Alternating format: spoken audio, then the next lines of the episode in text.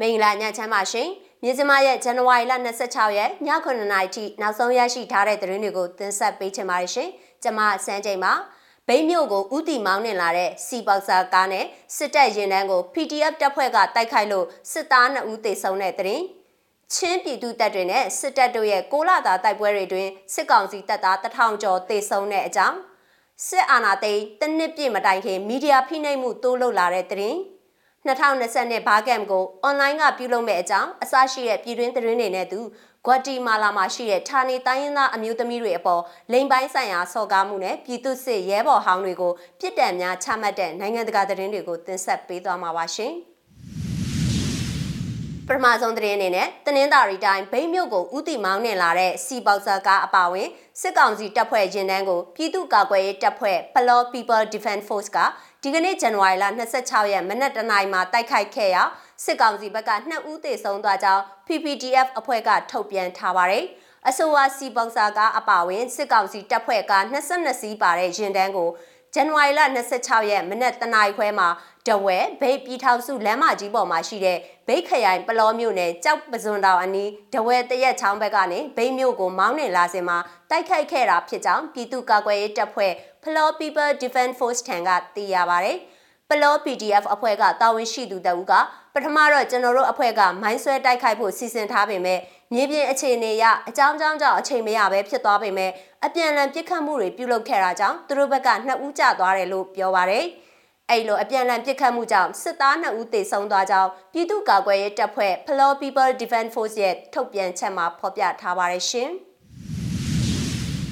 ချင်းဒေသပြည်သူ့ကာကွယ်ရေးတပ်များပေါင်းစုဖွဲ့စည်းထားတဲ့ချင်းမြေပူးပေါင်းကာကွယ်ရေးကော်မတီ CJDC နဲ့စစ်ကောင်စီတပ်များကြား6လအတွင်းဖြစ်ပွားခဲ့တဲ့တိုက်ပွဲတွေမှာစစ်ကောင်စီတပ်သား1029ဦးသေဆုံးခဲ့ကြောင်း CJDC ကဒီကနေ့ဇန်နဝါရီလ26ရက်နေ့မှာထုတ်ပြန်ထားပါတယ်။ ချင်းပြည်နယ်မကွေးတိုင်းနဲ့စကိုင်းတိုင်းအတွင်းနေရာများစွာမှာ CJDC တပ်ဖွဲ့တွေနဲ့စစ်ကောင်စီတပ်ဖွဲ့တွေဟာ2021ခုနှစ်ဧပြီလကနေဒီဇင်ဘာလအထိ6လအတွင်းတိုက်ပွဲပေါင်း184ကြိမ်ဖြစ်ပွားခဲ့ပြီးစစ်ကောင်စီတပ်သား1029တေဆုံးခဲ့တာဖြစ်ပါတယ်။ ချင်းဒေသပြည်သူ့ကာကွယ်ရေးတပ်ပေါင်းစုများဘက်ကလည်းရဲဘော်58ဦးကြာဆုံးခဲ့ရပြီးစစ်ကောင်စီတပ်သားတွေရဲ့မတရားညှဉ်းပန်းနှိပ်စက်တပ်ဖြတ်မှုကြောင့်အရက်သားပြည်သူ28ဦးလည်းသေဆုံးခဲ့တယ်လို့ထုတ်ပြန်ချက်မှာပါရှိပါတယ်။ CJDC ဟာ2021ခုနှစ်စက်တင်ဘာလ30ရက်မှာချင်းအမျိုးသားတပ်ဦးတပ်မတော် CNF CNA နဲ့ ချင်းလူမျိုးများနေထိုင်ရာမြို့နယ်ဒေသလိုက်ကာကွယ်ရေးတပ်ဖွဲ့များပူးပေါင်းပြီးတော့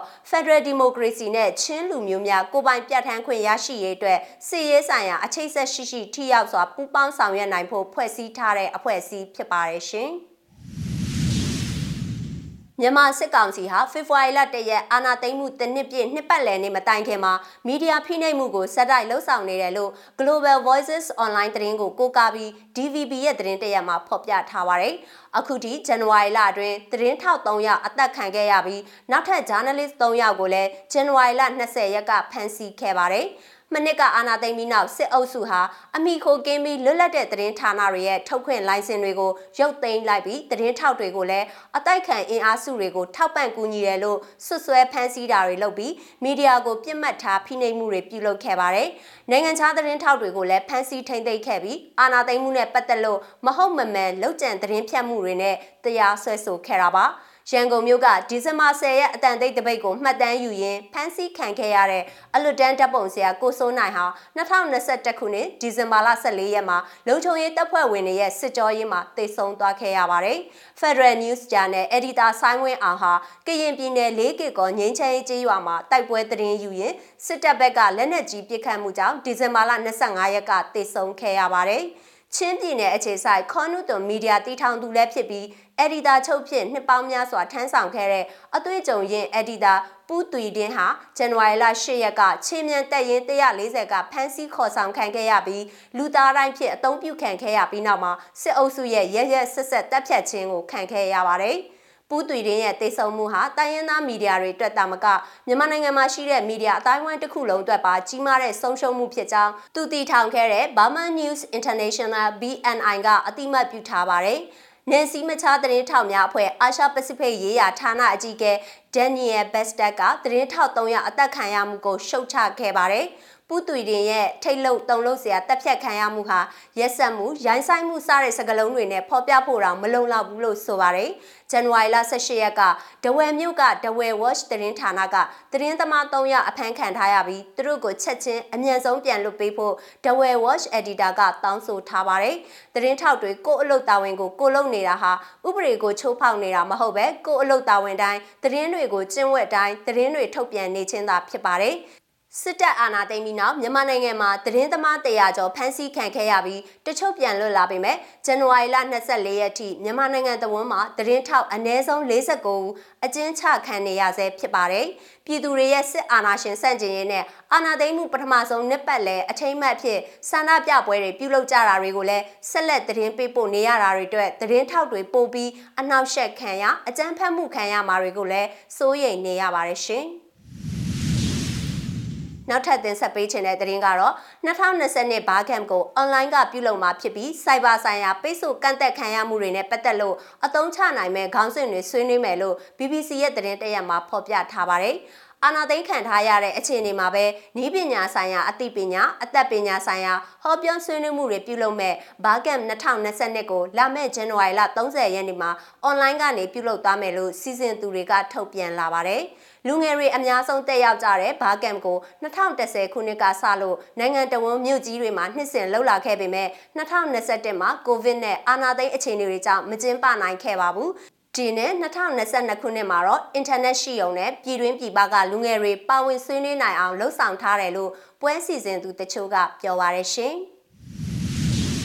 နိုင်ငံတကာဘက်မှာတော့ဂွာတီမာလာမှာရှိတဲ့ဌာနေတိုင်းရင်းသားအမျိုးသမီးတွေအပေါ်လိမ်ပိုင်းဆိုင်ရာစော်ကားမှုနဲ့ပြည်သူစစ်ရဲဘော်ဟောင်းတွေကိုပြစ်ဒဏ်တွေချမှတ်တဲ့အကြောင်းကိုတင်ဆက်ပေးသွားမှာပါရှင်။ ဂွာတီမာလာပြည်တွင်းစစ်အတွင်းကတိုင်းသားအမျိုးသမီး36ဦးကိုလိမ်မိုင်းဆိုင်ရာစော်ကားမှုနဲ့အရန်စစ်သားဟောင်း9ဦးကိုဇန်နဝါရီလ24ရက်တနင်္လာနေ့ကထောင်ဒဏ်230စီချမှတ်လိုက်ပါတယ်။တရားသူကြီးတွေကလိမ်မိုင်းဆိုင်ရာချိုးဖောက်ခံရတဲ့အမျိုးသမီးတွေရဲ့တက်သေးထွက်ဆိုချက်တွေကိုအခိုင်အမာယုံကြည်ပါတယ်လို့ဂွာတီမာလာအရက်ဘတ်ကာကွယ်ရေးလှည့်ကင်း PAC အဖွဲ့ဝင်ဟောင်း9ဦးကိုပြစ်ဒဏ်ချမှတ်လိုက်တဲ့တရားသူကြီးဂါဘီစီကယ်ကပြောကြားခဲ့ပါတယ်။ အဆိုပါအုပ်စုကိုခမန်းကြီးလူပေါင်း2သိန်းခန့်တေဆုံးသို့မဟုတ်ပျောက်ဆုံးသွားခဲ့ရတဲ့1960 1996စစ်ပွဲအတွင်းရက်ဆက်ကြမ်းကြုတ်မှုများအတွက်အပြစ်တင်ခဲ့ကြပါတယ်။စီဂယ်က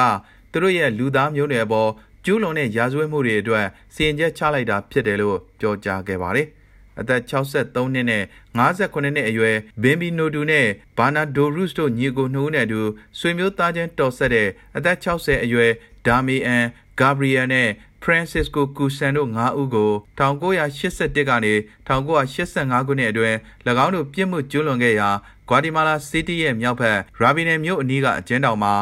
အွန်လိုင်းတရားရုံးကနေတဆင့်ပြစ်ဒဏ်စီရင်ခဲ့တာဖြစ်ပါတယ်။ရာဘီနယ်မြို့နေလူတို့ဟာစစ်ပွဲရဒဏ်ကိုအထူးသဖြင့်ခံစားခဲ့ရပြီးလူပေါင်း3000ကျော်ရဲ့ရုပ်အလောင်းတွေကိုအစုလိုက်အပြုံလိုက်မြုပ်ထားတဲ့တင်ကြိုင်တစ်ခုကိုတောင်တွေ့ခဲ့ကြရပါတယ်။ မကြသေးမီဆယ်စုနှစ်တွေအတွင်းအမျိုးသမီး36ဦးကစစ်အတွင်းလိမ်ပိုင်းဆိုင်ရာအကြမ်းဖက်ခံခဲ့ရကြောင်းတိုင်တန်းခဲ့ကြပါတယ်။တိုင်တန်းမှုကိုစတင်တင်ပြပြီးတဲ့နောက်ဆယ်စုနှစ်တခုကြာဇန်နဝါရီလ9ရက်နေ့မှာရုံးချိန်စတင်ခဲ့ပါတယ်။စီရင်ချက်ချမဲ့နေ့မှာတက်ကြွလှုပ်ရှားသူတချို့ကဂွာတီမာလာစီးတီးရဲ့တမိုင်းဝင်နေရာဖြစ်တဲ့ Toridi Tribunal ရှိပလာဇာတစ်ခုမှာပန်းတွေနဲ့ဖျောင်းတိုင်တွေကိုကင်ဆောင်ပြီးအခမ်းအနားကျင်းပခဲ့ကြပါတယ်။ကျမအသက်16နှစ်တုန်းက တက်ကွဲတစ်ခုကခေါ်သွားပြီးစစ်သားတွေကအဓမ္မပြုကျင့်တာကိုခံခဲ့ရပေမဲ့အပြစ်ပေးရမယ့်သူတွေကကျမတို့ရွာကအရန်ပြည်သူစစ်တွေပါပဲလို့အခုအသက်59နှစ်အရွယ်မာဂါရီတာစီအာနာက AFP ကိုပြောပြခဲ့ပါတယ်။စစ်စခန်းအတွင်းမှာ3လကြာအောင်ကျမအများကြီးခံစားခဲ့ရတယ်လို့အမျိုးသမီးကဆိုပါတယ်။မိသားစုဝင်တွေရှိမှကျူးလွန်မှုများအပြင်အကျို့ကျူးလွန်ခံရသူတွေရဲ့ထွက်ဆိုချက်အရတိုင်းသားအမျိုးသမီးအများအပြားကိုတပ်ဖြတ်ခြင်းသို့မဟုတ် ခင်ပွန်းတယ်တွေကိုတပ်ဖြတ်ပြီးအာရမပြုကျင့်ခြင်းတွေပြုလုပ်ခဲ့တယ်လို့ဆိုပါတယ်။ဒါကငါတို့ကိုနာကျင်စေတော့မယ်။ငါတို့မှုသားမပြောဘူးလို့၎င်းတို့ထဲကတူဖြစ်သူပက်ဒရီနာလိုပက်စ်ကပြောကြားခဲ့ပါတယ်။ဂွာတီမာလာရှိကုလလူအခွင့်အရေးဆိုင်ရာမဟာမင်းကြီးရုံးကယခုစီရင်ချက်ဟာစစ်ပွဲအတွင်းလိမ်ပိုင်းဆိုင်ရာအကြမ်းဖက်ခံခဲ့ရသူအမျိုးသမီးငယ်တွေအတွက်အမှန်တရားတရားမျှတမှုနဲ့ရော်ကြီးရပိုင်ခွင့်များအတွက်အထင်ကရတိုးတက်မှုဖြစ်ကြောင်း Twitter မှာပြောကြားခဲ့ပါတယ်။